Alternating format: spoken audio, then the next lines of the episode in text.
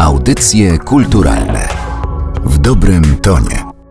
Rozpoczynamy audycje kulturalne, podcast Narodowego Centrum Kultury przy mikrofonie Aleksandra Galant. To była dla mnie bardzo ciekawa informacja. Muszę przyznać, że też w pewien sposób zaskakująca, bo niedawno na rynku ukazało się pierwsze polskie wydanie wszystkich krótko i pełnometrażowych, fenomenalnych dzieł artysty Wojciecha Jerzego Hasa. Wszystkie jego filmy zostały poddane cyfrowej rekonstrukcji, zostały wydane na aż 16 płytach Blu-ray. To jest zdecydowanie wydawnictwo unikatowe które wydała firma DA Factory przy wsparciu Polskiego Instytutu Sztuki Filmowej. Pomyślałam sobie, że to wydanie to jest tak naprawdę wspaniała okazja, żeby porozmawiać o twórczości Wojciecha Jerzego Hasa, dlatego że on wymieniany jest jako jeden z najważniejszych polskich reżyserów. Martin Scorsese czy Leonardo DiCaprio, tworząc takie listy filmów, które wpłynęły i na ich życie, i na twórczość, na karierę artystyczną, wspominają dzieła Wojciecha Jerzego Hasa Na współpracę z nim powołuje się bardzo wielu współczesnych polskich reżyserów, którzy mówią wprost, że gdyby nie znajomość z Wojciechem Jerzym Hasem, pracowaliby zupełnie inaczej. Ich filmy miałyby inny charakter. Dlatego zaczęłam zastanawiać się, co takiego Wojciech Jerzy Has w sobie miał, że tak bardzo odbił się na właściwie kilku następnych pokoleniach filmowców. I mam nadzieję, że odpowiedź na to pytanie pomoże mi znaleźć pani doktor Iwona Groć, doktor literaturoznawstwa i specjalizacja filmoznawstwa filmoznawstwo, która badaniu twórczości Wojciecha Jerzego Hasa poświęciła dużą część swojej naukowej kariery i dzisiaj właśnie do tych badań, do tych wniosków zgodziła się wrócić. Bardzo miło mi jest Panią powitać w audycjach kulturalnych. Również jest mi miło. Witam serdecznie Panią, witam serdecznie wszystkich słuchaczy. I od razu odpowiadam na Pani pytanie. Myślę, że nie ma jakby jednej odpowiedzi na pytanie o fenomen, fenomen Hasa, bo rzeczywiście można to tak nazwać. Więc ja mogę powiedzieć tylko o moim takim subiektywnym wyobrażeniu na temat tego fenomenu i jego źródła. Myślę, że bierze się ono z takiego dużego pietyzmu, jaki Has przykładał do poszczególnych projektów. Jego pomysły filmowe i następnie praca nad tymi pomysłami, to była zwykle taka praca zakrojona na dłuższy zdecydowanie czas. Nie było tam nigdy pośpiechu.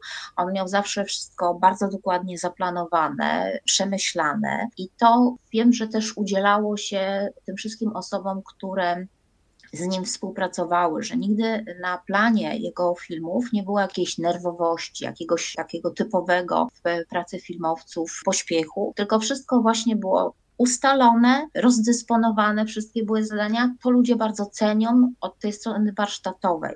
Ten spokój, stonowanie, tą pewność tego, że reżyser sam wiedział od samego początku, jaki ma cel, do czego chce doprowadzić, jak chce coś zrealizować i nie było u Hasa czegoś takiego, że on błądził w trakcie realizacji filmu, że zmieniał zdania, że robił coś spontanicznie. No oczywiście niektórzy mogą powiedzieć, że taka spontaniczność czasami się przydaje, ale w przypadku Hasa, kiedy wszystkie jego projekty były bardzo szczegółowo, dokładnie rozpisane, zaplanowane, to wprowadzało taką harmonię, takie poczucie bezpieczeństwa, spokoju, pewności podążania do konkretnego celu, który reżyser sobie zapewnił. Więc to myślę było takie inne, jeżeli chodzi właśnie o pracę na planie z hasem. I to właśnie też wiem, że jego współpracownicy wielokrotnie podkreślali i właśnie to cenili. Poza tym ten fenomen hasa brał się z tego, że właściwie on potrafił każdy tekst który zdecydował się przenieść na ekran, czyli zaadaptować, potrafił jakby przefiltrować przez swoją własną osobowość, przez swoje własne spojrzenie, czyli ta autorskość jego filmów była, powiedziałabym, taka bardzo głęboka, ponieważ ktoś może powiedzieć, że przecież jego kino nie jest kinem autorskim, ponieważ na 14 filmów pełnometrażowych 13 to są adaptacje. W związku z tym nie do końca jest tak, że to są jego historie, to są historie napisane przez inne osoby, przez pisarzy. Nie zmienia to jednak faktu, że nawet taka pętla Marka Chłaski, która przez literaturoznawców jest czytana takim kluczem, powiedziałabym, bardzo realistycznym, czyli jako opowieść o nałogowym alkoholiku, w adaptacji Hasa nabiera takiego bardzo uniwersalnego charakteru, bardzo takiego hasowskiego. Przestaje jakby ta historia opowiadać tylko o konkretnym czasie, przestrzeni, konkretnym bohaterze, ale staje się taką, powiedziałabym, troszeczkę przypowiastką filozoficzną na temat również oczywiście nałogu, bo ten temat jakby pozostaje, że jest to opowieść o alkoholiku.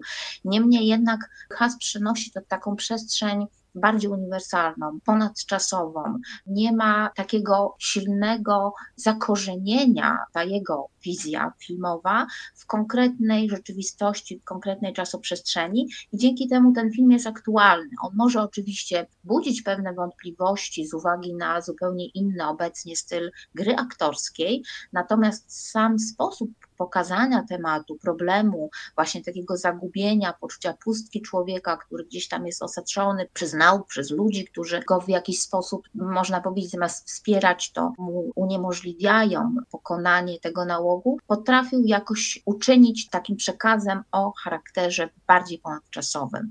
I to się ogląda dlatego też pewnie dobrze dzisiaj. Więc myślę, że ten fenomen od tej strony merytorycznej brał się właśnie z tego, że te filmy były takie bardzo jego, bardzo własne, a od tej strony warsztatowej to właśnie to takie bardzo przemyślane, zaplanowane, podejście do każdego tekstu, że właściwie Has wielokrotnie, pamiętam nawet taki wywiad z nim, mówił, że nie lubi niespodzianek na planie. I to właśnie jakby jest taką kwintesencją mego podejścia, takiego profesjonalizmu, takiej rzetelności, że zawsze był stuprocentowo przygotowany, wszystko miał zaplanowane, rozpisane, przemyślane i to się udzielało całemu zespołowi filmowemu i przez to właśnie też ludzie go cenili. Poruszyła Pani bardzo wiele wątków. Pętla jest filmem, który bardzo wiele krytyków uznaje za jeden z najważniejszych, jeżeli nie najwybitniejszy film Hasa.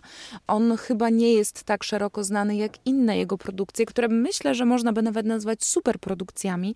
I kiedy Pani mówiła o tym teatralizowaniu swoich filmów, ja pomyślałam, że mamy tutaj właśnie na dwóch biegunach, bo po pierwsze ta pętla, która jest bardzo kameralna, w centrum której jest Gustaw Holoubek jako główny bohater i na nim właściwie koncentruje się i uwaga reżysera, i uwaga widzów, i kamera, no ale z drugiej strony filmy tworzone z tak wielkim rozmachem, jak powiedziałabym broadwayowskie produkcje, czyli chociażby rękopis znaleziony w Saragosie, czy Lalka. Czasem chyba nawet byłoby trudno uwierzyć, że to są filmy jednego reżysera. I istotnie, on rzeczywiście czerpał z bardzo różnej literatury, czerpał z tego, co jakby było aktualne i na przykład pętla, tak jak pani tutaj powiedziała, to jest taki film, który jest ważny, był ważny w tych latach 50., ponieważ to jest film, który powstał od razu w momencie, kiedy Chłasko napisał to opowiadanie. O ile pamiętam, to opowiadanie zostało wydane w 1956 roku, a rok później już był film, więc e, Has czerpał zarówno z tego, co jest aktualne, co jest bieżące, jak również czerpał z klasyki polskiej literatury i sięgał no, na przykład do Potockiego, czyli właśnie do tego rękopisu znalezionego w Saragosie, czy do Lalki, czyli do takiego można powiedzieć kanonu lektur trochę szkolnych. Więc on wybierał literaturę w taki sposób, ktoś by pewnie z boku powiedział nieoczywisty, ale dla niego był jeden klucz bardzo ważny. I to jest taki klucz, który może wprowadzać pewną spójność i wyjaśniać może to, że mimo tego, że on tak bardzo różne teksty i różnych autorów wybierał jako inspirację dla swoich filmów, to tym jednym takim kluczem, który pokazywał jednak tą jedność, myślę jest to, że on był koneserem dobrej literatury. To też jest takie stwierdzenie, które gdzieś tam w jednym z wywiadów z Hasem się pojawiło, że on cenił po prostu dobrą literaturę. Oczywiście to, jak on to rozumiał, czym dla niego była ta dobra literatura, to już jakby jest kwestia pewnie na jakąś dłuższą analizę i rozmowę, ale jakby tym kluczem było to, co on uważał za dobry tekst literacki. Czyli to mogło być coś właśnie drobnego, to mogło być krótkie opowiadanie chłaski, ale na przykład z jakimiś doskonałymi w opinii Hasa dialogami. On bardzo cenił takie teksty literackie, w których właśnie ten element związany właśnie z filmowością ewentualną prozy, którą chciał przenieść na ekran, czyli właśnie na przykład dialogi i schemat fabularny, czyli to, co się w tych opowiadaniach działo, jeżeli to z jego punktu widzenia było właśnie doskonałe, dobrze skonstruowane, dobrze przemyślane, to to był właśnie klucz do tego, że on taki tekst uważał za dobrą literaturę.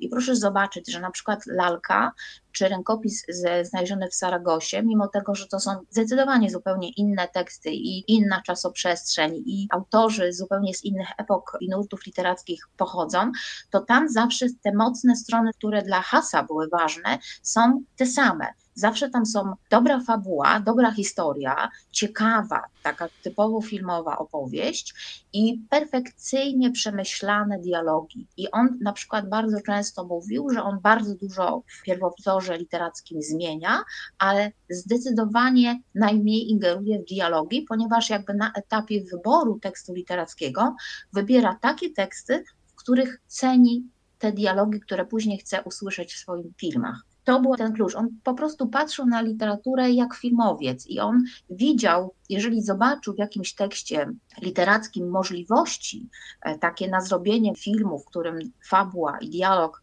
są kluczem, to to już było dla niego właśnie ten e, sygnał, że to jest taka literatura, którą on chciałby zobaczyć w formie takiej zwizualizowanej na ekranie.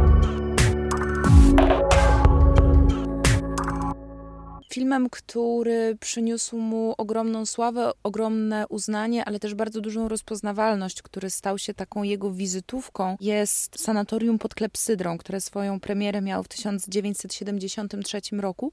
Przywołuję je ze względu właśnie na wybór tekstu. To jest oczywiście tekst Runona Schulza i myślę sobie, że to z kolei jest przykład filmu, który może być pomocny do tego, żeby opowiedzieć trochę o oniryzmie, który często wymienia się mówiąc o pracach Wojciecha Jerzego Hasa, że one są oniryczne, trochę rozmarzone z pograniczy jawy i snu, rzeczywistości i fantasmagorii. I ten film, ale także wybór tekstu chyba bardzo dobrze to opisuje. Tak, jak najbardziej, bo ja tego wątku nie pokazałam, ponieważ rzeczywiście mówiłam o tych dialogach, mówiłam o tej fabule, ale proszę zauważyć, że już w pętli jest też ten element związany ze snem. I może nie tak to jest mocno wyeksponowane jak w sanatorium pod klepsydrą, gdzie ten oniryzm jest kwintesencją, najważniejszym elementem tego filmu, za sprawą oczywiście tekstu, jak słusznie pani powiedziała Bruna Szulca.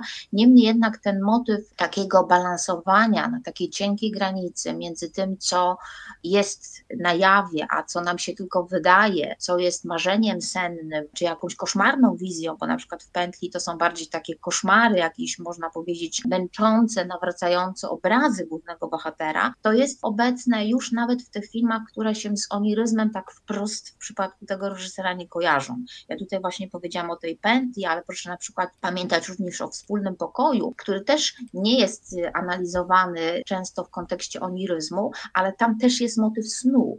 Motyw snu, kiedy bohater śni o tym, że opowiada o swoim śnie, jak być kochaną.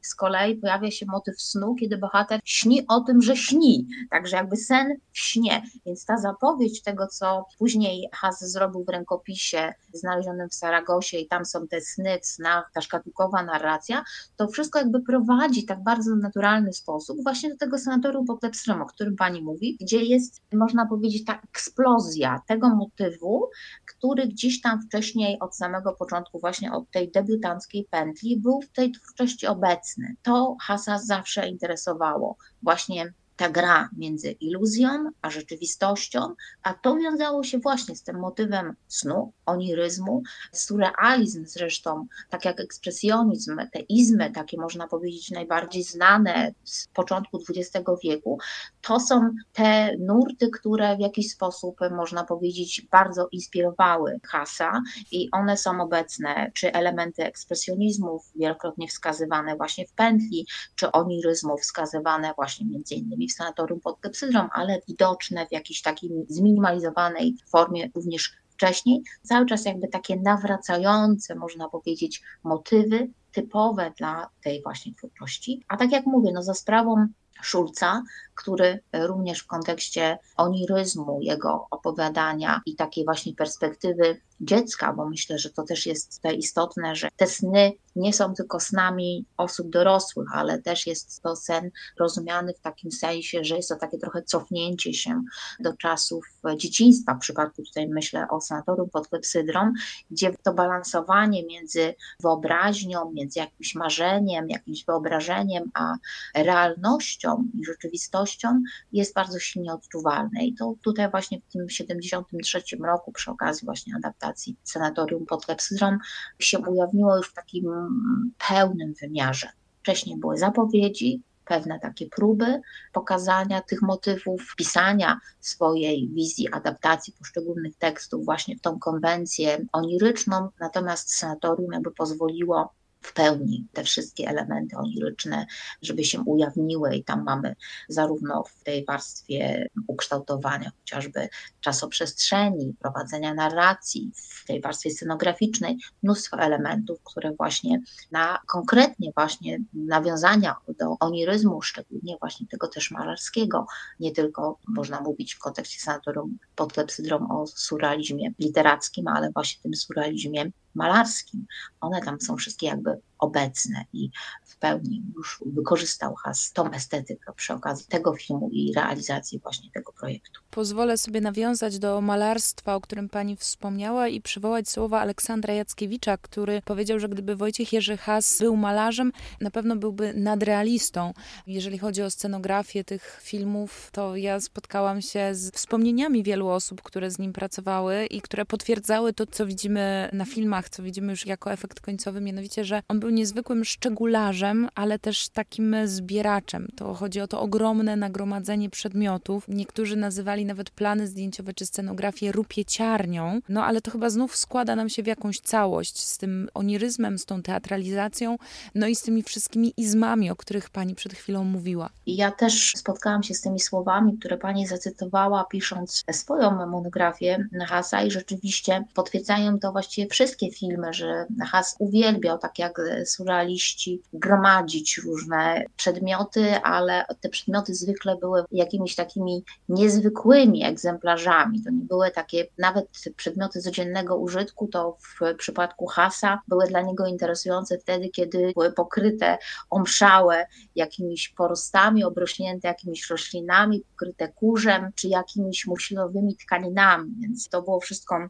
teatralnie, można powiedzieć też, jak pani tutaj wskazała, zaaranżowane. I rzeczywiście to się wszystko bardzo silnie wiązało z tym surrealistycznym, nadrealistycznym zainteresowaniem Hasa, co pewnie wiązało się z tym, że on właściwie przed swoją jakby drogą filmową, myślę, że warto też o tym pamiętać, chciał być malarzem. Pierwsze jego kroki związane z edukacją to były taki pomysł na siebie, żeby być w przyszłości artystą plastykiem. Więc tutaj to w jakiś sposób też wyjaśnia, skąd takie bardzo malarskie zainteresowania, które się uwidoczniły później w jego realizacjach filmowych, że jednak on miał takie oko malarza. I rzeczywiście, kiedybyśmy mogli zapytać, kiedy pojawiłoby się takie pytanie, jakim malarzem byłby Has, to zdecydowanie można tutaj wskazać przede wszystkim ten surrealizm, że te inspiracje pewnie byłyby tutaj dla niego najbardziej typowe, ale też wskazywano właśnie, tak jak już wcześniej mówiłam, ekspresję ekspresjonizm, też taka drapieżność jest w jego niektórych tych wczesnych filmach widoczna. Później te elementy związane chociażby właśnie z tymi rupieciarniami sprzyjały takiemu myśleniu o Hasie w kontekście nadrealizmu. To jest taki temat troszeczkę rzeka. Wielokrotnie na ten temat różni badacze pisali. Każdy dostrzega coś innego, bo pamiętam też takie analizy na przykład tych wczesnych, krótkich filmów Hasa, w których na przykład pojawiają się baletnice, na przykład Moje Miasto, to tam z kolei interpretowano te filmy w kontekście impresjonizmu i malarstwa właśnie związanego chociażby z postacią pojawiającej się gdzieś tam na różnych obrazach impresjonistów, baletnicy, tancerki. Więc tutaj to oko malarza w przypadku Hasa jest bardzo ważne. Natomiast ta rupieciarnia to jest coś takiego, co dla niego myślę było interesujące, a w jakiś sposób połączyło się z tym, co jest charakterystyczne też dla prozy Szulca. Bo proszę pamiętać, że Szulc również uwielbiał różne takie nieoczywiste przedmioty, kształty, właśnie chociażby w tytule jest ta klepsydra, która również pojawia się w filmie. Schulz przecież opisywał w swoich opowiadaniach różne takie, można powiedzieć, sprzęty niby codzienne, ale widziane chociażby w sklepach cynamonowych, z takiej jakiejś perspektywy, kiedy one się nagle stawały no niezwykłe, że nawet właśnie jabłko, kareta, którą przemieszczali się bohaterowie, nagle zmieniała się w jakiś właśnie cudowny pojazd, czy cudowną, niezwykłą rzecz. Więc to wszystko nabierało jakiegoś takiego magicznego, można powiedzieć bajkowego wymiaru i w ten sposób też to zostało przez Hasa w filmie pokazane. On czynił właśnie z takich rzeczy codziennego użytku przedmioty, które nabierały takich cech martwej natury, ale w tym wymiarze takim właśnie artystycznym, jak, jako dzieła sztuki. I stąd te rupieciarnie, które po prostu były piękne estetycznie. Tak, jak pani doktor powiedziała, twórczość Wojciecha Jerzego Hasa to jest temat rzeka. Zajmują się nią badacze, zajmują się nią krytycy filmowi, ale wydaje mi się, że to co najważniejsze to to, żeby w dalszym ciągu zajmowali się nią widzowie, sięgali po jego filmy, analizowali to, co widzą, doceniali ten kunszt i właściwie za każdym razem odkrywali w tych filmach coś nowego. Dla mnie te wszystkie określenia i te ukierunkowania w stronę baśniowości, oniryzmu, pewnego odrealnienia i teatralizacji są bardzo przekonywujące. Mam nadzieję, że dla wielu widzów, którzy przygodę z tymi filmami dopiero zaczynają także. I mam nadzieję, że ta rozmowa będzie dla wielu osób takim impulsem, żeby skorzystać z możliwości, że filmy Wojciecha Jerzego Hasa zostały wydane, że mamy do nich dostęp, no i że po prostu się z tą twórczością zapoznają. Ta rozmowa nie mogłaby się odbyć, gdyby nie obecność, udział i wiedza pani dr Iwony Groć, literaturoznawczyni ze specjalizacją filmoznawczą, która zgodziła się dzisiaj o twórczości Wojciecha Jerzego Hasa opowiedzieć. Pani doktor, bardzo pani dziękuję za tę rozmowę, za to spotkanie i za poświęcony czas. Również dziękuję i również życzę fajnego spotkania z tą twórczością, bo myślę, że warto do niej przez cały czas wracać. Także zachęcam widzów, szczególnie tych właśnie młodych, którzy mają w swoich kanonach lektur lalkę czy sanatorium pod klepsydrą, żeby nie tylko czytali, te teksty, ale również zainteresowali się adaptacjami, które przygotował, co prawda wiele lat temu, ale są to nadal filmy aktualne, myślę, i ciekawe, właśnie Wojciech Jerzy Has. Także dziękuję bardzo za, za to spotkanie, za tą rozmowę. Audycje kulturalne w dobrym tonie.